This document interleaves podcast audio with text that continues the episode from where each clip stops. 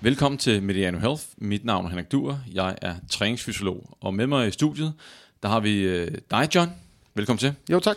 Og øh, det her det er jo en, en såkaldt vægttabshistorie, og vi skal høre om øh, Johns rejse. Og John bliver også kaldt Bonna blandt venner. Det er måske mere det, det oprigtige navn, det er navn, som flest bruger. Men øh, John han er gået fra at veje 156 kilo til i dag at veje lige starten af 90'erne. Så det er et vægttab på over 60 kilo. Så det er en spændende historie, vi, vi er foran os. Og lige inden øh, du får lov til at fortælle lidt mere om dig selv, så vil jeg lige kridte banen op, hvad er det, vi skal igennem. Først skal vi have lidt ganske kort om, om Johns øh, baggrund, men også, hvornår startede overvægten? Øh, er det kommet en sen alder, eller kom det allerede i teenageårene? Og hvad var så årsagen til, at øh, vægten som blev ved med at vokse og, og peakede på de der 156 kilo? Vi skal også tale om vendepunktet. Hvad blev vendepunktet? Og hvad var årsagen til, at øh, der pludselig øh, kom succes med, med vægttabet? Og øh, vi skal selvfølgelig også tale om kost og motion. Hvordan har, har John øh, grebet alt det her an? Og til sidst, som altid i de her vægttabshistorier, det er jo efterhånden et stykke tid siden, at vi har haft en, en historie i den her podcast her, jamen så skal vi have øh, gæstens øh, et eller to gode råd, og der, der er frit spil, øh, og det er gode råd med hensyn til, hvad har virket for dem, øh, med hensyn til, til vægttab. Så øh, lad os øh, kaste os ud i det. John, helt kort, fortæl lidt om dig selv. Hvad, hvad er værd at vide om dig? Jamen, øh, jeg hedder John, jeg er 34 år. Øhm, jeg bor i Greve, øh, sammen med min kæreste og en delsøn fra et tidligere forhold. Øhm, vi, øh, ja, jeg har arbejdet som pædagogmedhjælper i mange år øhm, med unge mennesker og med diagnoser og lignende. Øhm, så ja, det er kort lige om mig. Har du altid boet i, i Greve? Ja, jeg er født og opvokset i Greve slash Hundi. Og jeg kan se, at du har sådan en Air Jordan uh, t-shirt på. Så er, er der en, en interesse for, for basketball? Ja, det må man sige. Jeg har spillet basket, siden jeg var en 6-7 år gammel, sammen med gode kammerater og i klub i Greve og en del street basket igennem årene. Ja, og det som øh, jeg måske lige glemte at nævne i indledningen, det er, at øh, de der plus 60 kilo, dem har du tabt øh, rimelig hurtigt. Altså, Øh, normalt er der noget, der tager, det kan tage overvis at, at smide så mange kilo, men, men du har gjort det relativt hurtigt. Ja. hvor, hvor lang periode var, var det om at tabe dig? Jamen, jeg startede i juni måned sidste år, øh, da jeg kom til lægen, og jeg søgte noget råd og noget vejledning. Øh, men jeg har selvfølgelig brugt mange år på at finde min vej. Øh, jeg har været overvægtig i over 20 år cirka, øh, og jeg har været, haft den her klassiske jojo-vægt, øh, meget op og ned, og har godt vidst, hvad der skulle til, men har bare svært ved at fastholde det. Øhm, men ja. Så du skulle lige øh, øve dig en hel masse, inden øh, du ramte den. Det, det kommer vi tilbage til, men du startede i juni sidste år. Og, øh, og jeg kunne forstå, øh, lige inden vi, vi startede, at det har taget 7-8 måneder cirka at smide de der plus 60 kilo. Ja. Og det, det, er, det, er jo en, det er jo en voksen person. Det er mere, end hvad min kone vejer. altså, ja, også min egen kæreste. Øh, hvad, hvad, hvad du har smidt. Og det, det er jo, hvad skal vi sige, selvfølgelig haft en, øh, en enorm betydning øh, for dig. Og det er nogle gange har hørt, når jeg har talt med, med folk, som har tabt mange kilo på kort tid, det er, øh, har hjernen egentlig fulgt med? Altså fordi, at for, for lige præcis et år siden, det var juni i dag, mm. der, der var du 156 kilo, i dag sidder du øh, og plus 90 kilo. Altså, hvordan, øh, hvad, hvad ser du i spejlet i dag? Er, har, er øverste etage, er, er den fuldt med på rejsen? Ja, både og. Altså, der har været perioder, hvor at jeg, altså, jeg, jeg ikke selv har helt troet på det. Øhm, jeg har kigget i spejlet og ikke rigtig følt, der er sket noget, men jeg kunne mærke på tøjet helt klart, at det er gået hurtigt. Øhm, jeg har måttet købe nyt tøj nærmest hver måned, øhm, fordi at, ja, bukserne faldt ned, bælterne blev for store, alt for store, trøjerne blev alt for store. Øhm, så, så det har været svært at følge med, men altså, det har også været fedt, at der bare sket noget. Det er jo, det er jo en del af motivationen, at der sker noget. Øhm, helt klart. Og øh, hvis nok komme tilbage til, hvordan du har grebet vægttabet an, men det er selvfølgelig hårdt arbejde at smide kilo. Det, det kan man regne ud. Ja. Øh, og alt vægttab er hårdt arbejde, og du har holdt det nogle måneder nu, øh, dit, dit vægttab. Og øh, hårdt arbejde, og det er selvfølgelig også hårdt, arbejde at holde det. Har det, har det indtil videre været, været det hele værd? Det har bestemt været det hele værd. Jeg har haft nogle knæproblemer igennem mange år, som, øh, som er blevet meget bedre. Øhm, og ja, det har jo bare været fantastisk at, at kunne en masse ting, som jeg ikke kunne før. Øh, så som at binde sko og, og lignende ting, og lege med min søn, og være ude på legeplads med ham og sådan noget. Det er blevet, alt er blevet lettere, øhm, og det har været helt klart været det hele værd. Hvad, hvad med omgivelserne omkring dig? Hvordan øh, har, har de været sådan, hvad skal vi sige, øh, opfattelsen bare sådan generelt set? Øh, er der nogen, der, altså syv måneder, er jo ikke lang tid. Er der nogen, der ikke kunne kende dig igen? Altså nogen, du ikke har set lang tid? Eller hvordan, du må ligesom have mødt nogle folk, der siger, øh, hvem er du, agtigt? Øh, eller hvad pokker der sket her? Jamen, det er sket et par gange. Altså, folk kan jo godt genkende mig, men altså, der er, det, er, det er en normal kommentar efterhånden, at hvem fanden er du, øh, når de ser mig. Og især her under corona-nedlukningen, øh, har jeg jo ikke set så mange mennesker, så der kunne godt gå relativt lang tid mellem, jeg har set folk. Øh, og de har jo tydeligt kunne se forskel fra gang til gang. Øh, og det, det, det har været lidt overvældende nogle gange, øh, og det har været lidt, det har ikke været svært, men det har været, det har været lidt overvældende øh, og rørende faktisk også. Altså folks kommentarer, det har virkelig været positivt. Øh, men, øh, men ja. Fedt. Og øh, er der så også nogen, der... Altså jeg kan forestille mig, at vægttab har bare og sundhed generelt set, har, har stort fokus øh, blandt os danskere, blandt alle. Øh, det er det, det hotteste emne. Hvis man skal sælge damebladet, så skal man bare klistre vægttab på forsiden. Men har du ikke så for mange spørgsmål til, hvordan har du gjort, og kan du ikke lige komme på gode råd? Øh, er der måske nogen, der har spurgt om, om du kan hjælpe dem? Jamen det har jeg, øh, både på min Facebook-opslag, som jeg har lavet en gang imellem, øh, og så har jeg fået meget i privatbeskeder, øh, øh, hvad jeg har gjort, og, og ja, hvordan jeg har fastholdt det og sådan nogle ting. Og der er jo, altså, og det er ikke fordi, jeg skal lave reklame for dig, men jeg har virkelig anbefalet at læse og høre og dine podcasts og dine artikler, fordi de er virkelig spotter rundt omkring de kalorier generelt. Øhm, så det har virkelig været min vej i hvert fald øh, til at nå der, hvor jeg er i dag. Oh, øh, tusind tak for det. Øh, og, øh, men vi skal nok komme ind på, hvordan du har grebet det an, øh, også med i, i detaljen. Men, men først, du sagde, at du, du har været overvægtig i, øh, i hvert fald 20 år. Så, så det her, det, det startede i øh, relativt tidligt. Hvornår er din, din første sådan, erindring af, at du var overvægtig? Jamen altså, uden at kunne huske præcis årstallet, så kan jeg huske, at jeg har nogle billeder fra da jeg var på Kreta, da jeg var en 13-14 år, hvor jeg godt kan se, der er jeg godt nok blevet tyk. Øhm, så det var nok det omkring, og der tror jeg, jeg lå på en 110-115 kilo på daværende tidspunkt, da jeg var en 13, 14, 15 år måske. Okay, så har, det er jo hurtigt regnet ud, øh, jeg har en, en søn på, på 12, og han er meget snart 13, han vejer øh, 55 eller sådan noget. ja. Så det, det var en, en, en dobbelt størrelse af ham. Øh, hvordan, øh, kan du huske, hvordan det, det var på det tidspunkt? Fordi du har jo været stor øh, på det tidspunkt. Øh, hvad sagde lægen? Hvad sagde skolen? Øh, hvad skete der egentlig dengang? Jamen altså, der, jeg, jeg, jeg kom til lægen, fordi min mor var blevet bekymret for mig. Øhm, og jeg tror, det er meget normalt, især dengang, at der var ikke en stor viden om, øhm, om hvad der skulle til. Øhm, min familie var, altså tror jeg generelt var øh, hos mange andre familier, at, at man bare skulle leve sundt. Men sundt er relativt svært at sætte ord på, fordi at du taber dig ikke af at spise grøntsager, kun hvis du spiser for mange af dem. Øh, jo, lige måske grøntsager, men, øh, men sådan ellers så er der ikke noget, der hedder sund mad, har jeg fundet ud af senere hen. Øh, eller det er der, men i forhold til vægttab, ja, i forhold til vægttab, ja. så er det svært at beskrive, at det bare skal være sund mad. Så jeg prøvede jo alt at, at spise alt det sunde mad, men det ændrede ikke det store. Og så var jeg samtidig meget kredsen. Og min mor, hun arbejdede øh, i om eftermiddagen, hvor jeg kom hjem fra skole. Øhm, og der havde jeg det meget med at sidde og spise og spise, og spille, sidde og spille Playstation og computer. Og ja, derfor, det tog bare fart, det gik hurtigt. Og 115 kilo, har du så, altså, øh, er blevet mobbet, dengang du var, du var lille, eller dengang du var i, i teenageårene? Altså, fordi du, altså det er jo lige nogle år siden, og du, du må alligevel have, have skilt dig lidt ud. Øh, det vil man også selvfølgelig gøre i dag, hvis man er, var så meget i, i den alder. Men, men hvordan var det dengang, hvis du kan huske det? Jamen, det var egentlig ikke slemt med mobningen. Øh, den mobning, der var. Øh, jeg var jo som sagt en stor dreng. Øh, jeg var også stærk, og det, det lærte jeg jo hurtigt, at jeg kunne forsvare mig fysisk. Øh, så, så mobning var egentlig ikke slem. Øh, det, det var den faktisk ikke. Men altså, det var jo ikke sjovt at være med til idrætstimer. Det var ikke sjovt at være med i omklædningsrummet. Jeg kunne ikke være med til, til idrætsdagene på lige fod med alle andre.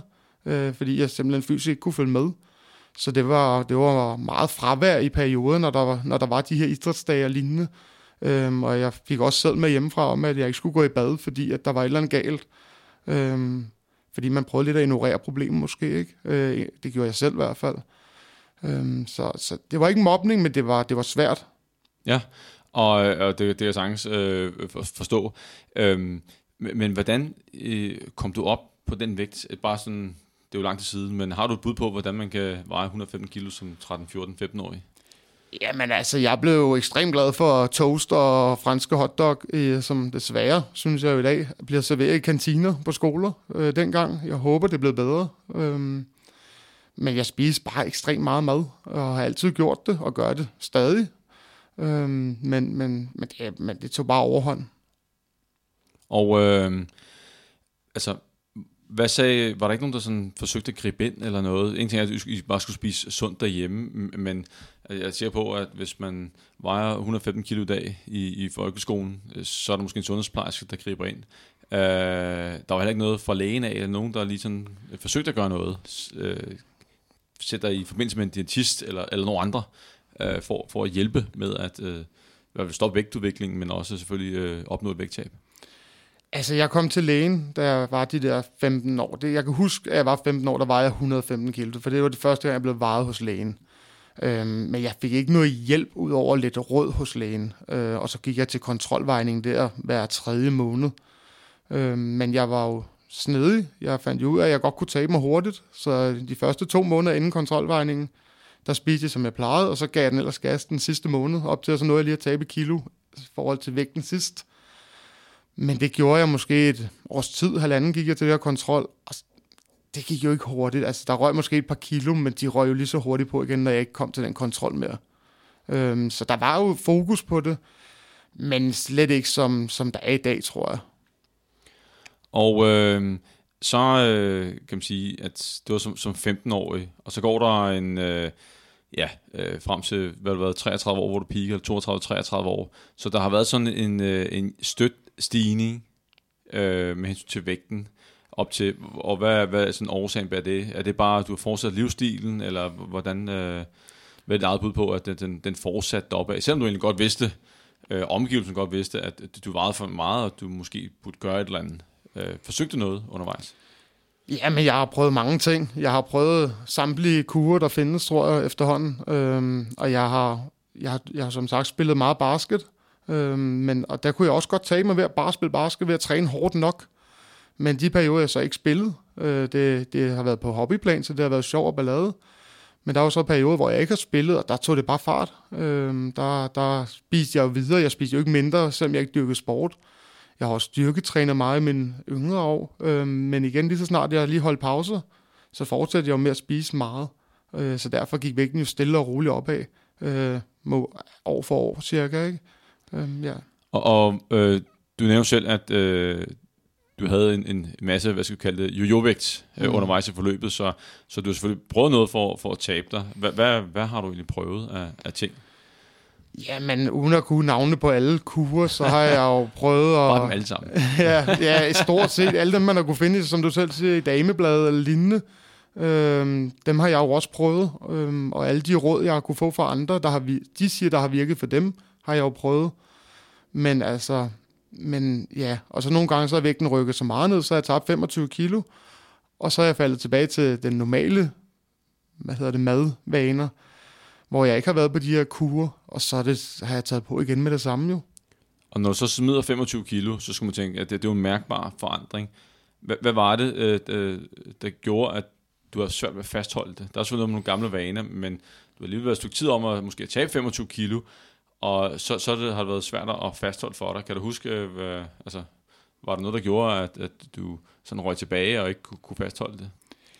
Ja, men altså det kunne være, altså den ene gang kan jeg tydeligt huske, det var, det var udelukkende en, en, en, en dum influencer på 14 dage, der gjorde, at jeg ikke kom afsted til træning, og så de 14 dage, der røg motivationen og lysten til at fortsætte bagefter, og så kom jeg bare tilbage i de gamle vaner, og så røg de jo på igen stille og roligt, den, de kilo, og så holdt jeg mig væk fra vægten, fordi man, ja, man bilder sig måske ind, at hvis man ikke stiller sig på vægten, så stiger vægten ikke. Øhm, det fandt jeg jo hurtigt ud af, når man så gik op på den et halvt år efter, det gør den. Øhm, så det, ja, det var, der skulle bare lidt, lidt øh, hvad hedder det, grus i min maskineriet, så, så gik det galt. Og man kan sige det der med, at, at, at fortrængning, det er jo en, en, øh, en dejlig mekanisme i, i visse tilfælde, hvor man kan holde alt, hvad der sker i udlandet, brutale ting, eller herhjemme væk. Men når det kommer til ens egen øh, sundhed, øh, og så det at fortrænge, og sige, at måske bilde sig selv ind, at alt er okay, og øh, vægten er nok, hvad den plejer at være, øh, så kan du komme i chok, og det, det er jo farligt at lade sig til. Jeg, jeg kan huske, at øh, i forbindelse med... Øh, det er en del år siden, der havde lavet med i noget, der er ekstremt fedt på TV3, og der var, havde vi en deltager, som ikke havde varet sig i, øh, i fire år. Og øh, han, da vi spurgte ind til, eller jeg spurgte ind til ham, hvad, hvad, hvad tror du vejer? Øhm, vi skulle have op på vægten. Og så sagde han, ja, men altså, han mente, han var samme størrelse som det der for en 3-4 år siden, og der, var han, der vidste han godt, at han var en stor dreng, og vejede 150-60 kilo. Det så vejer ham, der vejer han lige over 200 kilo. Øh, og det, det er jo... Øh, det jo kostet 50 kilo at, at fortrænge, og ikke stille sig op på vægten. Mm. Så, øh, så det er altid vigtigt at måske få set sandheden i øjnene, inden det måske eskalerer og kommer ud af kontrol, og så er det svært at komme tilbage. Men det er så lykkedes dig at, at øh, komme tilbage. Og øh, så vægten den, den fortsætter deroppe af, og nu, nu er det jo ikke lang tid siden, at du har vejet de der 156 kilo. Så øh, da du var på dit, dit højeste øh, for lidt over et års tid siden, øh, hvordan så din dag ud, hvis du tager sådan øh, kosten? Hvordan spiser man, når man vejer 156 kilo? Jamen, man spiser for det første jo helt ude af kontrol. Øh, man spiser på sine følelser. Det gjorde jeg rigtig meget. Når jeg var ked af det, spiste jeg. Og når jeg så havde spist og var ked af det, så spiste jeg noget endnu mere. Øhm, og så bevægede jeg mig jo bare slet ikke. Øhm, men altså, min kosten, den var... Det var meget mad. Øh, det var alt slags mad, men det var meget af det. Øhm, både til morgenmad, frokost og aftensmad, men så også alt derimellem. Øhm, men igen, inden jeg fandt ud af, at kalorier måske kunne, kunne ændre det for mig, som det har gjort, jamen så bilder man sig jo ind, at, jamen, at få at vide, at nødder for eksempel er sundt, lige indtil man kigger bag på kalorierne. Øh, jeg kunne godt spise 100 gram nødder bare for sjov skyld. 600 kalorier, Præcis. cirka, ja. Øhm, og så går det hurtigt. Ja. Øhm, og det var jo som sagt jamen, alt mad, sodavand, alkohol, øhm, juice, øhm, Red Bull har jeg været stor forbruger af i perioder. Øhm, og når man drikker en 4-5 stykker af dem om dagen også, så rører der også en del kalorier ind. Øhm, så ja, der var bare meget mad, og alt slags mad. Ja, og, øh, og det er sjovt, du siger det med nødder, fordi at den, øh, den møder man utrolig mange gange, at jamen, nødder er sundt, yes, ja, men man skal jo selvfølgelig være opmærksom på, at det, også, det du sagde indledningsvis, at jamen, hvad er sund mad? Og øh, man kan sagtens få for meget sund mad, og så, hvad skal vi sige, få for mange kalorier, og det er nødder et rigtig, rigtig godt eksempel på. Mm. Og der er mange, der, øh, som jeg også har hjulpet undervejs, som, hvor man går ind og kigger, jamen, så får jeg sådan en håndfuld nødder til aften. Okay, øh, men hvor meget er der sådan en håndfuld nødder, ikke? Og er der måske to, og det løber jo lynhurtigt op. Øh, men kan du huske i detaljer, hvad, hvad, du, øh, hvad du spiste om morgenen eksempelvis? Hvad, hvad, når du stod op der, hvad, hvad fik du så at spise? Jamen, altså, det, igen, det var meget forskelligt, for der var ikke noget kontrol over det. Men det kunne godt være 3-4-5 stykker toastbrød øh, med, med ost på og smør på og syltetøj eller forskellige slags pålæg generelt øh, i store mængder. Øhm, og, og, og når jeg siger et morgenmåltid, det kunne også godt være to morgenmåltider en gang imellem øhm, på et par timer kun. Og hvis jeg regner ud i dag, jamen, så har jeg nok fået en 1000-1500 kalorier, bare inden klokken var 10. Mange Sådan. af dagene. Ja. Øhm, og så er man i gang. Ja, det må man sige.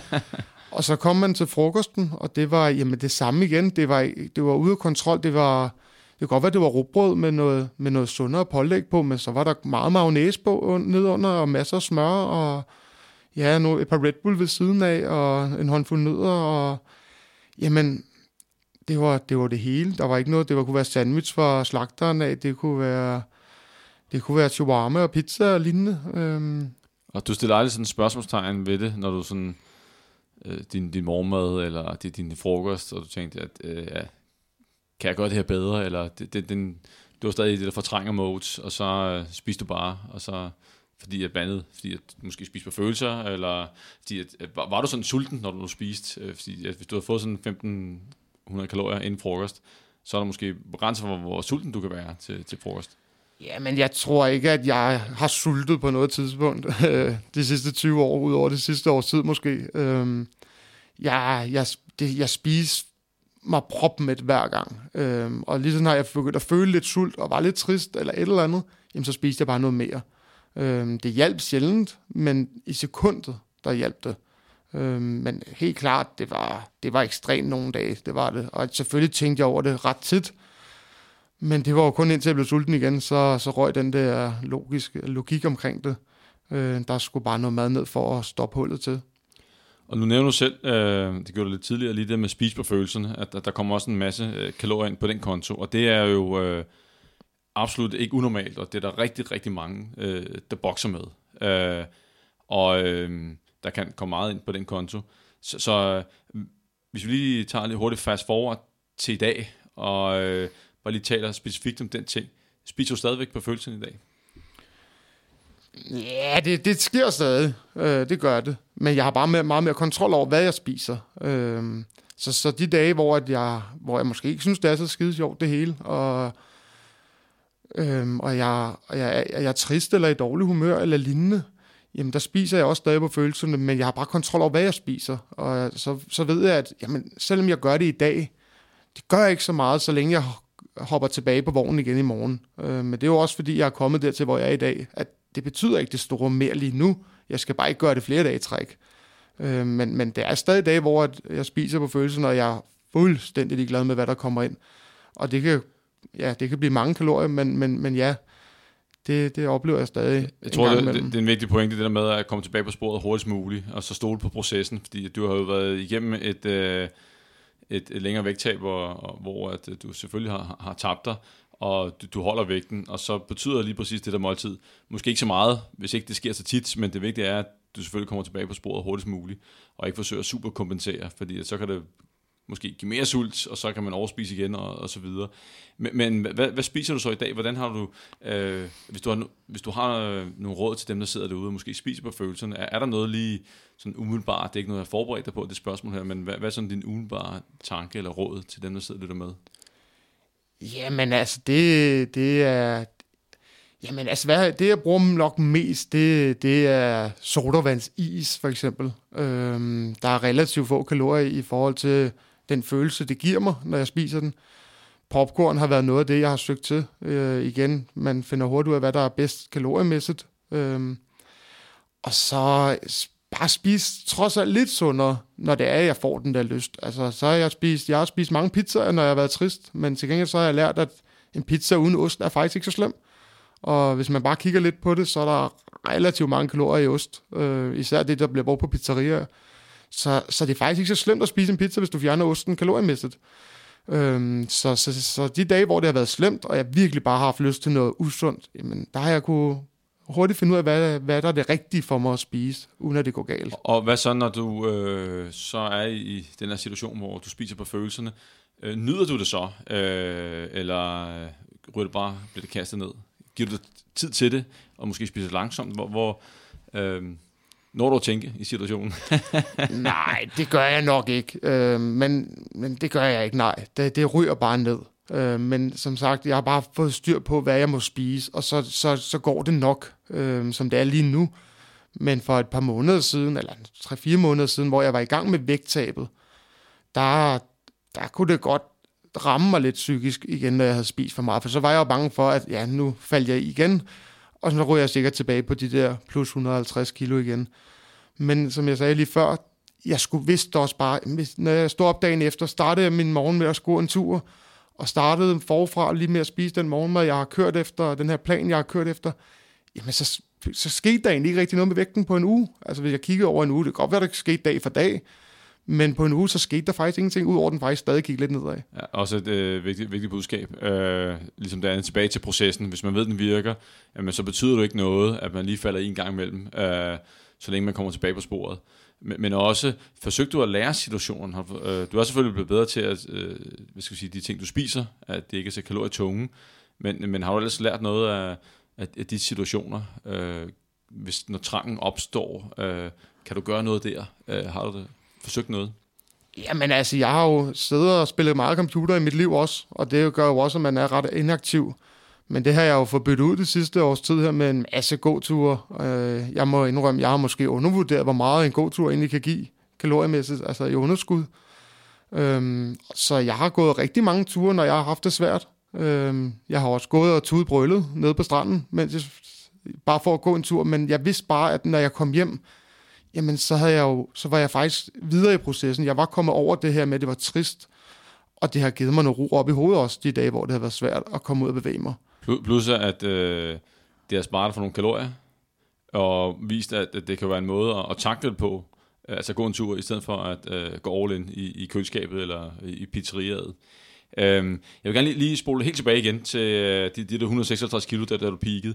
Øhm, øh, du spiser selvfølgelig en hel masse. Har du en idé om, øh, har du nogensinde regnet på, hvor mange kalorier du fik, da du sådan var på toppen, så at sige?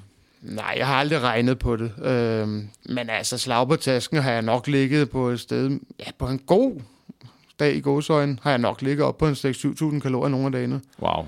Øhm, det har jeg nok i hvert fald nogle af dagene, ikke? Og hvad, øh, og det var ikke sådan, du lå og kørte Tour de France hver dag? Det vil være sundt at se. Hvad, hvordan så din dag ud sådan rent fysisk? Øh, du spillede måske stadig basket, eller hvad, hvad, hvad gjorde du? Gik du, bevægede du dig udover? Nej, altså jeg, jeg, jeg kan jo se på, nu har jeg jo fået sådan et fantastisk ur, der måler min skridt. Det havde jeg ikke sidste år. Øhm, men jeg, jeg kan jo se på min telefon, der har jeg ligget på omkring 4.000 skridt om dagen, hvor i dag ligger jeg op omkring 13-14.000 skridt om dagen. Øhm, og det har jo selvfølgelig været med til at, at hjælpe det godt på vej ned i vægten. Ikke?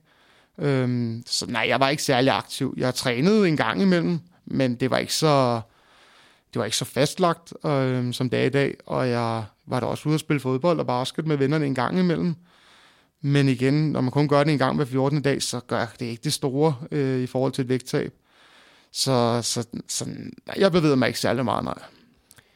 Og øh, nu kommer vi så til, til vendepunktet. Du rammer de der 156 kilo, og hvad, hvad bliver så vendepunktet denne gang her? Hvor, hvornår er det, hvad skal vi sige, hvad er det, der sådan sætter det i gang? Jeg ved godt, du har forsøgt masser af gange undervejs, men, men det, nu, nu er det her, du, du får succes.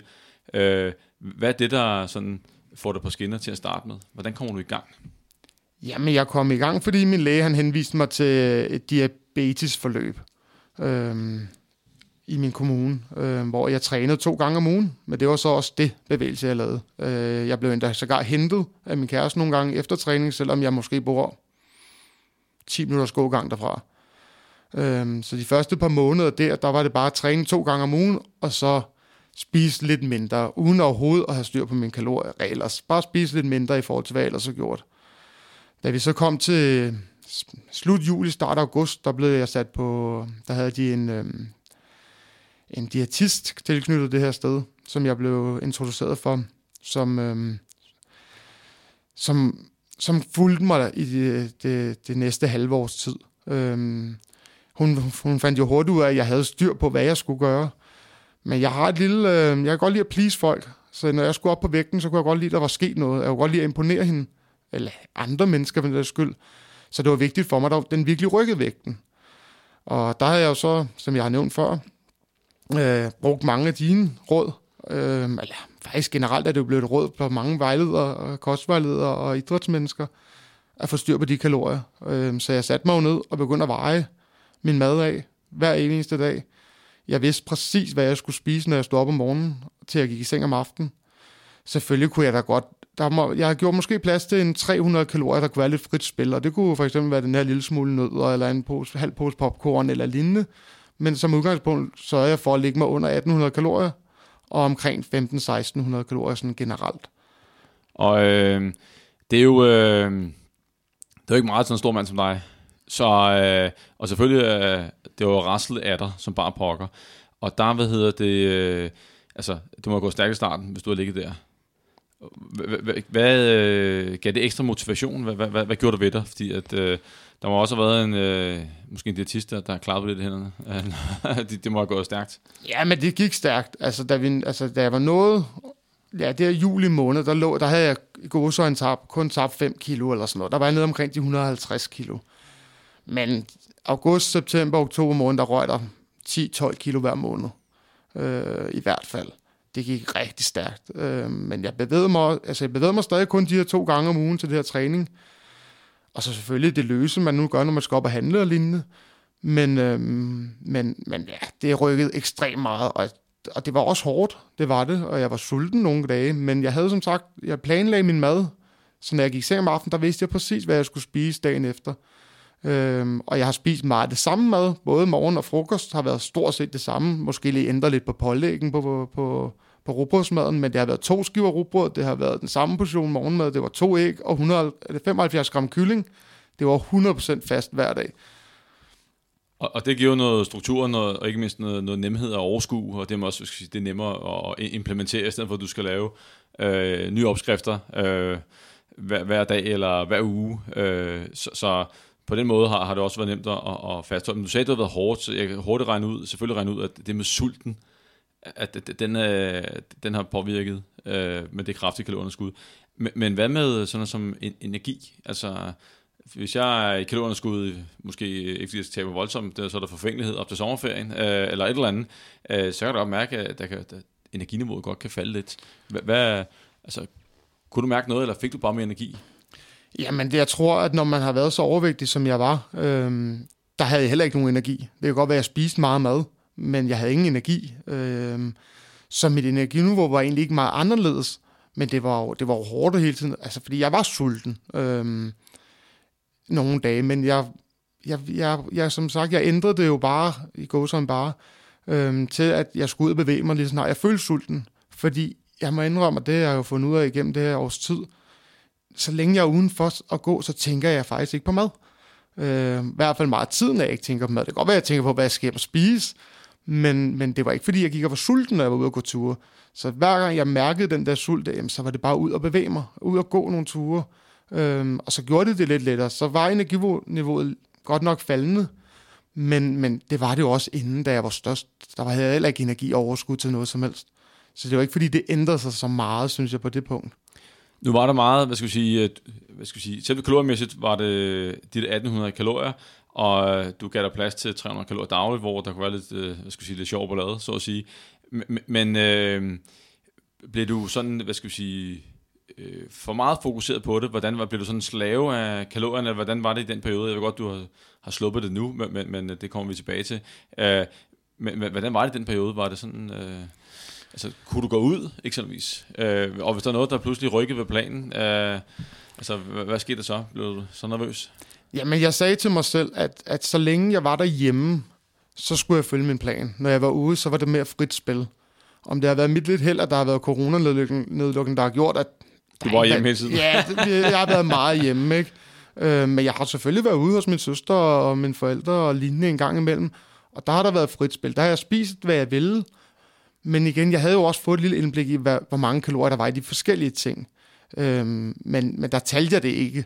Og, øhm, så, så, så, så ja, altså det, det, det, det kunne godt altså være lidt svært, når det var, jeg skulle ud, men det har virkelig ikke været særlig meget ude. Vi har været meget isoleret, det har vi jo alle sammen været. Det er svært det sidste års tid, halvanden.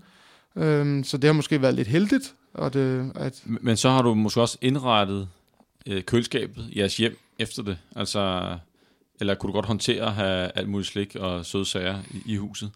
Eller købte det ikke med Hvad, hvad, hvad gjorde jeg? Fordi nogle gange man har jo det der udtryk, der hedder, øh, hvis ikke du kontrollerer omgivelserne, så kontrollerer omgivelserne dig. Så det handler selvfølgelig om at gøre det lettere for en, og hvad skal vi sige, leve den sådan livsstil, og ikke omvendt. Så havde, havde I gjort noget derhjemme? Havde I ryddet skabene, eller, eller, eller var det bare, som det altid har været? Ja, men der er ingen tvivl om, at der, der blev ryddet godt ud af skabene. Øh, man kan sige, det gjorde der dagligt jo. Hver gang det blev købt, så blev det spist før i tiden. Øh, og så de første par måneder, som sagt, i det her vægttab, der, der, der, der havde jeg ikke styr på kalorierne, men jeg ændrede mine øh, slikvaner og kagevaner, eller hvad hun det nu var, til at spise frugt og grønt. Øh, samme mængder, stort set, men, men, men jeg fjernede alt slik, og så spiste jeg frugt i stedet for. Øh, simpelthen bare for at se, hvad det ændrede. Det rykkede jo også lidt. Ja, det må man sige. Altså, et stykke kage kan jo nemt være 400 kalorier uden problemer, ja, øh, og så et stykke frugt måske 100 kalorier. Ikke? Så det, der er lavet en, en, en del sparet der. Øh, fin, fin udskiftning. Hvad med øh, sådan som, øh, altså, varede du dig selv, eller var det bare nede hos diætisten? Jamen, øh, hvis min diætist følger med, så, så vejede jeg mig kun hos hende. øh, men, øh, men, Gør måske. men, øh, men jeg vejede mig hver dag. Øh, det gjorde jeg. Og det gjorde jeg ikke, fordi at Altså, det, altså, det var egentlig ikke så det var ikke vigtigt for mig i forhold til tallet. Det var, det var, det var blevet, en, det blev en vane. Det, var, det havde jeg brug for om morgenen. Øhm, og, og det, heldigvis så faldt den jo relativt hurtigt, så jeg kunne næsten se forskel. Måske ikke dag til dag, men i hvert fald hver anden tredje dag kunne jeg jo godt se, der var rykket noget. Øhm, men det blev, den blev lidt en slave for mig, vægten. Altså, der, jeg skulle op på vægten om morgenen, for ellers havde jeg det sgu svært med at spise i løbet af dagen. Øhm, ja. Og, og hvordan i, øh, i dag, øh, og, og der i vægten, hvordan er forholdet mellem jer to? Jamen, den er blevet bedre. Altså, jeg kommer stadig på vægten mere, end man måske anbefaler. Øh, men det er mest, fordi jeg har... Det er, ja, det, det er nok bare fordi, at jeg har brug for det en gang imellem. Øh, jeg går på vægten to gange om ugen, tror jeg, og registrerer den vægten stadig.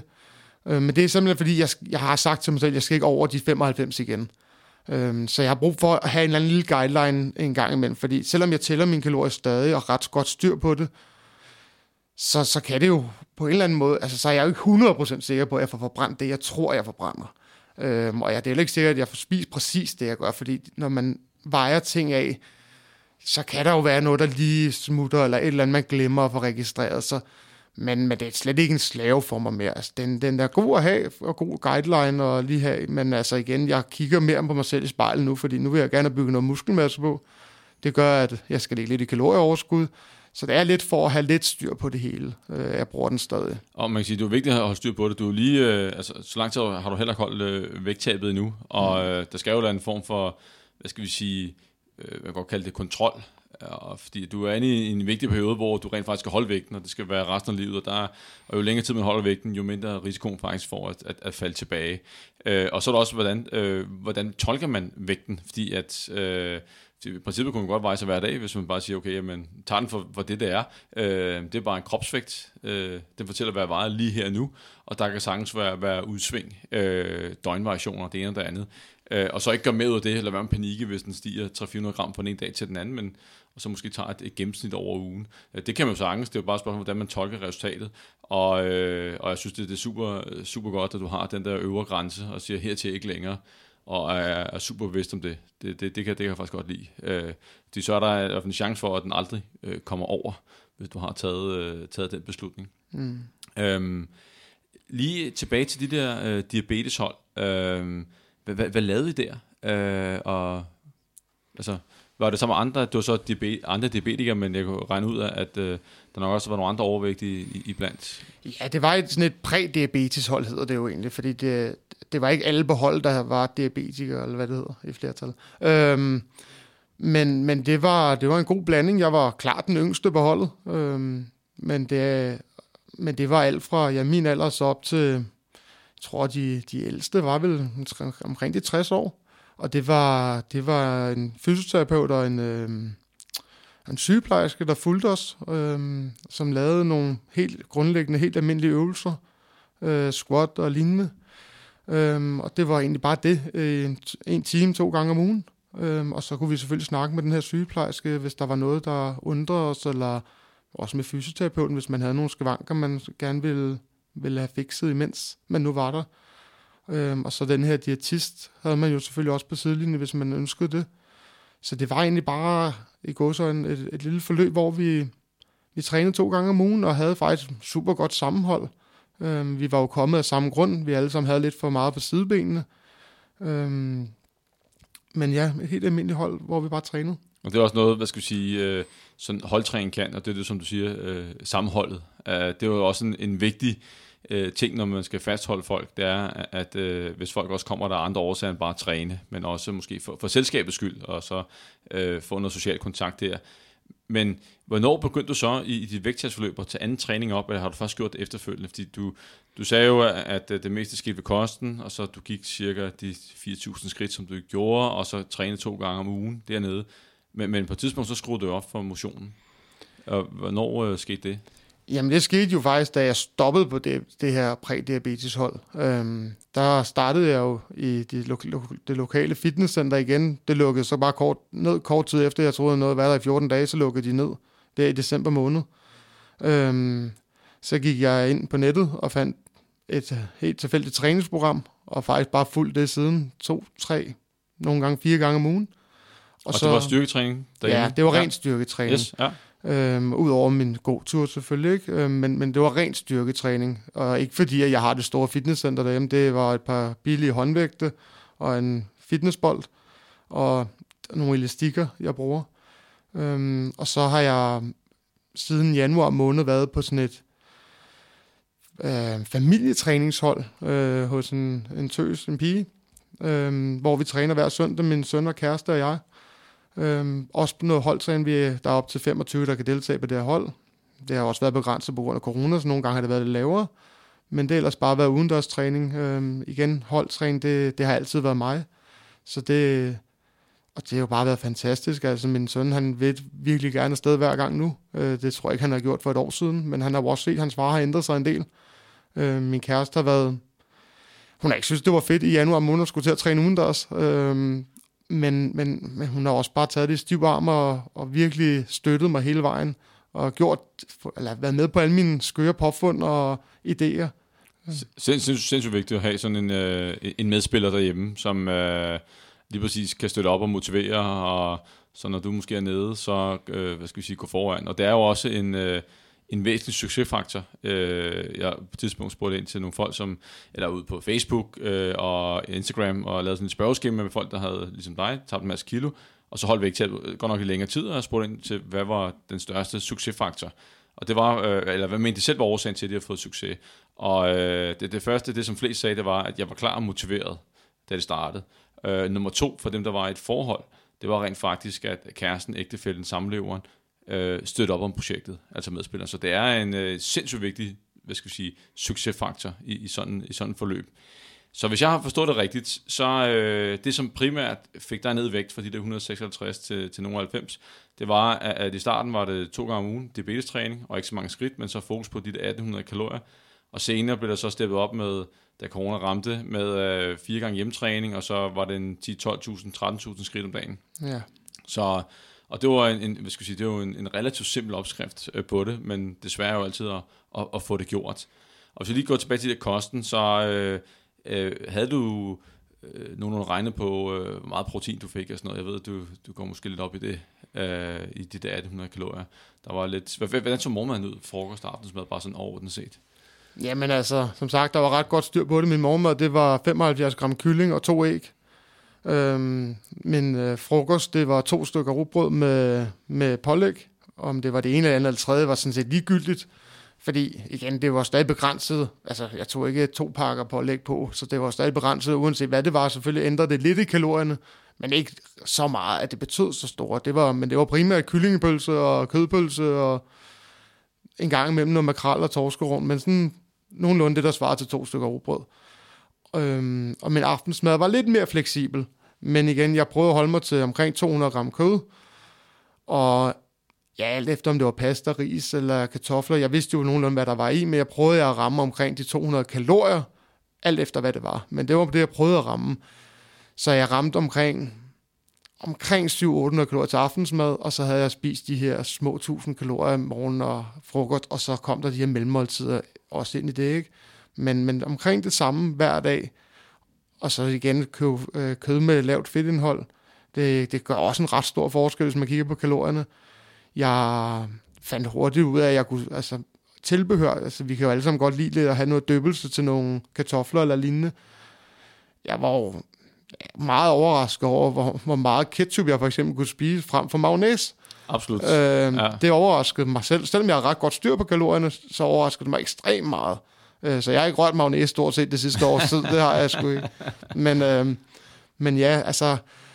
Men jeg har ikke... Jo, jeg prøvede selvfølgelig at få noget proteiner ind, og det var også det, jeg gjorde med morgenmåltidet. Øh, det var også det, det samme råd med min vejleder, min, eller diætist her. Men, øh, men det var ikke, fordi jeg gik sådan det sted op i, om det var kulhydrater, om det var fedt, eller om det var protein. Det var kalorierne, jeg fulgte, og det har også vist sig at være det rigtige i hvert fald. Man kan sige, at øh, man kan ikke sige, at du ikke er lykkes. Det har du i, i, i den grad, øh, og øh, gjort noget, som øh, ikke særlig mange kan, smide så mange kilo, og ikke mindst på, på så kort tid. Og selvfølgelig kan man sige, at øh, det bør ikke være på så kort tid. Et vægttab tager det tid, den tid, et vægttab tager. Så man skal selvfølgelig finde sit eget tempo. Øh, så i dag, hvis du kigger på, hvordan ser det ud i dag? Øh, du, øh, du nævnte lidt om, at nu har du sat dig et nyt mål. Du vil gerne have, altså en ting er at holde vægten, men du har også bygget noget muskelmasse på. Så, øh, så træningsmæssigt, er du så begyndt i fitness, eller er det stadig hjemmetræning derhjemme, eller hvor, hvor er du henne? Jamen, det er faktisk stadig hjemmetræning, og, og ja, jeg vil gerne bygge noget muskelmasse på. Øhm, nu er jeg, jeg er jo stadig ikke en lille fyr, men men, det, men det er stadig nyt for mig, og det kan jeg godt mærke, at jeg, der bliver jeg udfordret lidt øh, i forhold til præcis, hvad jeg skal have indenbords. Øhm, så der ligger jeg stadig lidt i en, en læringsperiode, det er helt sikkert. Øhm. Så hvad, hvad, hvad får du nu af, af kalorier? Jeg ved, at, øh, at du får nok en del mere end, end de der 1800 kalorier. Det gør jeg bestemt. Jamen, jeg tror, jeg, jeg ligger omkring men altså, et, hvis jeg skulle sige et tal, så omkring 3200 kalorier om dagen. Ja. Men omkring 3000 til 3500. Er det ikke øh, lidt... Øh, I starten, da du kom derop, var det ikke lidt angstprovokerende? Altså jeg tænker, du har ligget på 1800 kalorier, og det har givet dig selvfølgelig super øh, kalorieunderskud, og det med til at øh, skal sige, give dig vægttabet. Men, men så at komme derop i kalorier, hvordan var det? Altså det er jo, det er jo, det er jo ikke dobbelt op, men vi, vi er ikke langt fra. Ja, men det, det er angstprovokerende, det, det, og det er faktisk rigtig svært nogle dage. Øhm, og når jeg så siger, at jeg ligger på de her 3.500, jamen, så er der også nogle dage, hvor jeg stadig lige kører lidt længere ned, fordi at jeg bliver lidt nervøs for, om jeg egentlig får for meget lidt pludselig. Men altså, altså det har gået okay. Jeg tror, øh, altså, min vægt kom jo under de 95, da vi nåede, hvad var det, omkring 1. april, tror jeg måske. Det er et par måneder siden nu. Og der har jeg jo ligget mellem 92 og 94 siden, så jeg gør det jo rigtigt, selvom jeg ligger op på de der 3.000 kalorier, nogle gange lidt højere. Men det, det må også være svært at vente til oven i hovedet, øh, og jeg kan godt forstå, at, øh, at kontrollen er der for at sige, okay, nu er jeg gået derop, ikke, og jeg skal ikke over 95 kilo. Jeg, jeg vil også veje mig øh, regelmæssigt for at se, om øh, at, det ikke, at det ikke stak af. Mm. Men er, er, det ikke, er det ikke rart at se, at for at holde vægten, så kan du spise mere, og du rent faktisk kan ligge derop?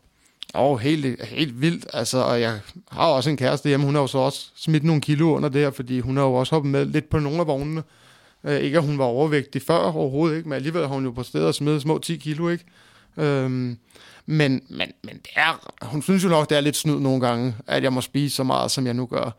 Øhm, men altså, det er, jo, det er jo bare mit held, kan man sige. Ja, altså, øh, men, men du er også en del aktiv. Mm. Øh, du får lavet noget, men jeg synes også, det, det, det er et vigtigt budskab at, sige, eller komme ud med, at øh, kalorieunderskud er jo ikke for evigt. Det, det, der er lys for enden af tunnelen, hvor man så øh, skal op i kalorier igen. Gik du så gradvist op, eller sprang du bare ud med begge ben og sagde, yes, 3200 kalorier, eller hvordan var det? Jamen, altså, i starten, der, der altså, jamen, jeg, jeg, det gik gradvist op, men det gik relativt hurtigt op. Øhm, jeg, jeg startede på at ramme de, prøvede at ramme de 2500, men fandt også ud af, at der rører altså også lige et halvt kilo en gang imellem. Øhm, så jeg kom jo ned. Jeg tror, det laveste, jeg har været nede på, siden jeg var barn, det var 90,1 eller andet. Og det er her for halvanden måned siden. Og der lå jeg omkring de 2500 kalorier, så jeg kan godt regne ud, at jeg stadig forbrændt mere, end jeg spiste. Så det har været gradvist stille og roligt op, men gradvist, det er jo kun to måneder, jeg har været igennem det, ikke? så det er gået relativt hurtigt stadig. Ja, og der må sige, der har du haft øh, vægten som projektstyringsværktøj øh, i, i den periode, og det er også vigtigt, når man så går gradvist op, og man, og man gør det langsomt, og så kan man jo se, hvis vægten ikke stiger, øh, eller der måske det falder, øh, så kan man jo lægge lidt mere på, mm. øh, indtil den begynder at tage, og så øh, ligge stabilt der. Så øh, jeg tror det er selvfølgelig en, en super god idé, at du ikke bare hopper ud i det med 3.300 ja. kalorier. Der er også lige noget, noget mental indstilling ved at gøre det på den måde. Øh, en sikker måde at gøre det på. Nå, John, vi er så småt ved at være ved vejs ende i den her podcast her. Og øh, jeg har jo, øh, lige inden du får lov til at øh, komme med din, øh, din et eller to gode råd til dem, der sidder ude, øh, med, ud fra dine erfaringer med, med, med vægttabet her. Hvad, hvad øh, altså, svære tider undervejs. Øh, jeg, jeg, jeg kan forestille mig, at det ikke har været nogen dans på roser. At du selvfølgelig, kvad det også det, du har sagt med at spise på følelser og så videre, at der har været øh, perioder, hvor du har gået ned på stranden og ikke haft det så godt. Øh, men, men alle oplever, at der er modstand i sådan en vægttabsforløb øh, på en eller på en anden måde, og har det, altså, og har det svært undervejs. Øh, hvordan sådan, taklede du det, de desværre svære perioder? Hvad, satte du noget til dig selv? Hvad, hvad, Øh, alle taler med sig selv på en måde, giver sådan self-coaching, self-talk, et eller andet i den stil. Hvad, hvad, hvad kan du? Ja, men altså, ja, det, som sagt, det gik jo relativt hurtigt med en vægttab, så jeg har jo ikke haft skal, jeg har jo ikke haft svære, svære, lange perioder, men jeg har jo haft dage, hvor, jeg, hvor det har været svært. Og der har jeg jo altså primært brugt de her mennesker, som er omkring mig, til at tale med dem øh, og grave ud ved dem og og få dem til at fortælle mig, at det, det, at det nok skal gå, selvom det har været svært. Øhm, og så har jeg jo, ja, hvis vægten har stået stille, nu det er ikke fordi, den har stået meget stille, men der har der været en uge, 14 dage, hvor den slet ikke rørte sig, eller måske en, der gik lidt op. jamen så har jeg måske spist lidt mindre, selvom det måske ikke var den rigtige vej. Men, øhm, men, men jeg har bare holdt fast. Øh, det er, jeg har jo som sagt prøvet at tabe mig flere gange øh, igennem de sidste 20 år, og den eneste fejl, jeg har gjort hver gang, det var at lade være at holde fast. Så selvom det var svært, og selvom det var ulydeligt nogle dage, eller perioder, så, så holdt jeg fast, øh, når jeg stod op dagen efter. Øh, fordi det, det, det har været ret øh, vigtigt for mig bare at blive ved med at holde fast i det. Jeg vil lige tage fat i det der med, at du har fat i dine omgivelser og, og, og brugt dem, øh, når, når det var svært. Øh, sindssygt godt råd også, og, og så give videre. Men der kan også være nogen, der øh, måske øh, øh, ikke tør at fortælle det, eller er, er bange for at inddrage andre øh, af, af forskellige årsager. Havde, havde du nogle overvejelser omkring det, eller sagde du bare, hey, jeg, jeg skal tabe mig, jeg har øh, brug for støtte, øh, kan jeg tale med jer, eller hvordan greb du det an med, med de omgivelser, øh, så du fik det med til at, sådan, som hvad skal vi sige, støttepersoner i, i projektet? Jamen, det var, altså, jeg har jo bare været heldig, tror jeg, at jeg, jeg havde fuld støtte for alle, så det, der har ikke været noget, der var hemmeligt. Øhm, igen, folk kunne også se på mig, jeg tabte mig relativt hurtigt, øhm, så der har der også været en vis støtte omkring det. Øhm, men igen, jeg tror virkelig også, det har været, altså, jeg har, jamen, igen, jeg må rose min kæreste for at have holdt det ud, fordi hun heller ikke synes, det var sjovt altid at se en kæreste, der var så trist i perioder. Øhm, men, men hun hjalp mig, og når jeg ikke orkede at lave mad, fordi jeg synes, det var trist, og jeg egentlig bare havde lyst til at bestille mad, så gik hun ud i køkkenet og lavede mad, selvom hun havde måske haft en lang arbejdsdag. Så var det hende, der stod for det. Hun tog ansvar lige så snart, at jeg ikke kunne mere. Så tog hun ansvar for, på, øh, på sine skuldre, hævde mig med ud og gå nogle ture, holde fast i det, når jeg ikke selv kunne holde fast. Øhm, ja. Og øhm, øh, gode pointer, og, og hvis man sidder derude, så, og man har en, øh, en nær ven, bekendt, familiemedlem, eller hvem det nu måtte være, der skal igennem større vægttab, så behøver måske ikke vente på, at personen kommer til, til jer. Øh, man kan jo aktivt øh, selv tage initiativet og, og støtte op om øh, projektet, fordi at, øh, Øh, det er du et godt eksempel på, at øh, det, det betyder meget, fordi at, øh, selvfølgelig har det haft en positiv betydning med hensyn til at få dig igennem de, de, de svære perioder. Men øhm, John, Bonne, det sidste, øh, vi skal igennem i, i podcasten, det er, øh, hvis du har de der et eller to gode råd, øh, som du vil give videre, som, som har virket for dig, og så kan folk øh, tage og gøre med de råd, hvad, hvad de vil. Men, men hvad, hvad har du så tænkt over? Hvad var, det var dagens lektie så til i dag. Jamen altså, jeg har tænkt lidt over det her i weekenden, efter vi talte om sidste uge, og, og der er en ting, der bliver ved med at dukke op hos mig, det er, at øh, hvor meget ventetid vi egentlig har i vores øh, hverdag. Øh, så, og, det, og ved det mener jeg for eksempel, når, når jeg står og koger vand derhjemme, eller jeg står lige og venter de sidste to minutter på, at vaskemaskinen den, øh, den bliver, bliver færdig, eller der er reklame i filmen, så er jeg igennem det sidste halve års tid lige lavet 10 armbøjninger, 10 squats, 10 englehop eller lignende. Øh, min kæreste har grint af mig et par gange, hvor hun siger, laver du nu armbøjninger igen ude i køkkenet? Så siger jeg, ja, jeg laver lige 10 armbøjninger, fordi det er hårdt at lave 50 armbøjninger. Det er det for, for faktisk de fleste mennesker. Men at lave 10 armbøjninger, hvis, selvfølgelig hvis, alt efter hvor man er på niveau, så kan de fleste godt lave, hurtigt lave 10 armbøjninger, eller 10 squat, eller lignende. Og, og i løbet af en dag kom jeg faktisk op på, ja, nogle gange 50-100 af hver slags. Når jeg er ude og gå tur, så det samme. Jamen, hver gang jeg kom til en bænk, så lavede jeg lige 10 squats op, og, og det behøver ikke være squat squat, det kunne også bare være rejse og sætte sig på, på bænken. Øhm, og igen, man kommer bare hurtigt deroppe af og får brugt musklerne. Øhm, og det, om det og det tror jeg bare, det har været lidt, det er lidt sjov ting, øhm, men, men når man så gør det, så bliver det hurtigt en vane. Jamen, mit andet råd, det er at forberede sin mad. Vi har talt om det lidt tidligere også i podcasten, men altså, have styr på, hvad du skal spise, når du står op om morgenen og til frokost og til aftensmad, så gør det det faktisk lidt lettere. Jeg siger ikke, at man ikke kommer til at sulte en gang imellem, men det, det gør, at det er lidt overskueligt, og så forberede maden hjemmefra, inden man skal ud af døren, øhm, i stedet for at skulle stå og veje det hver evig eneste gang. Og hvis du holder lidt fast i de samme rutiner, så behøver du faktisk ikke at veje det hver dag. Øhm, det, har, det har hjulpet mig, selvom jeg har været sulten nogle dage, så har det stadig hjulpet mig at holde fast i den måde at gøre det på. Og øh, en, en vigtig pointe, det er også at, at gøre det nemt og efterleve, hvad skal jeg sige, den plan på, på koster nu engang er. Og det der med at øh, få nye opskrifter en gang om ugen, når man skal implementere det, vi ved det, øh, at det er ligesom, når folk køber en, en, en kogebog, at man kigger lige i den, og det ser lækkert ud, og så stiller man den ind, og så hvis man har selskab, kan man tage en, en ret frem. Så hold fast i de nuværende rutiner, og så måske få justeret dem ind. Det, det er langt lettere at overskue. Helt sikkert. Og John, jeg vil sige uh, tusind tak, fordi du gad at stille op og, og, og fortælle din, uh, din historie. Det, det sætter jeg stor pris på, og jeg er sikker på, at alle dem, der lytter med, uh, de tusindvis af mennesker, der lytter med, at uh, de også sætter stor pris på det. Jamen tak, fordi jeg måtte være med. Og uh, til jer, der lytter med, hvis der sidder nogen derude med en, en spændende vægttabshistorie, uh, så skriv til mig. Jeg vil meget gerne uh, bringe den ud en gang efter uh, sommerferien. Tak fordi I lyttede med. Vi høres ved. Hej.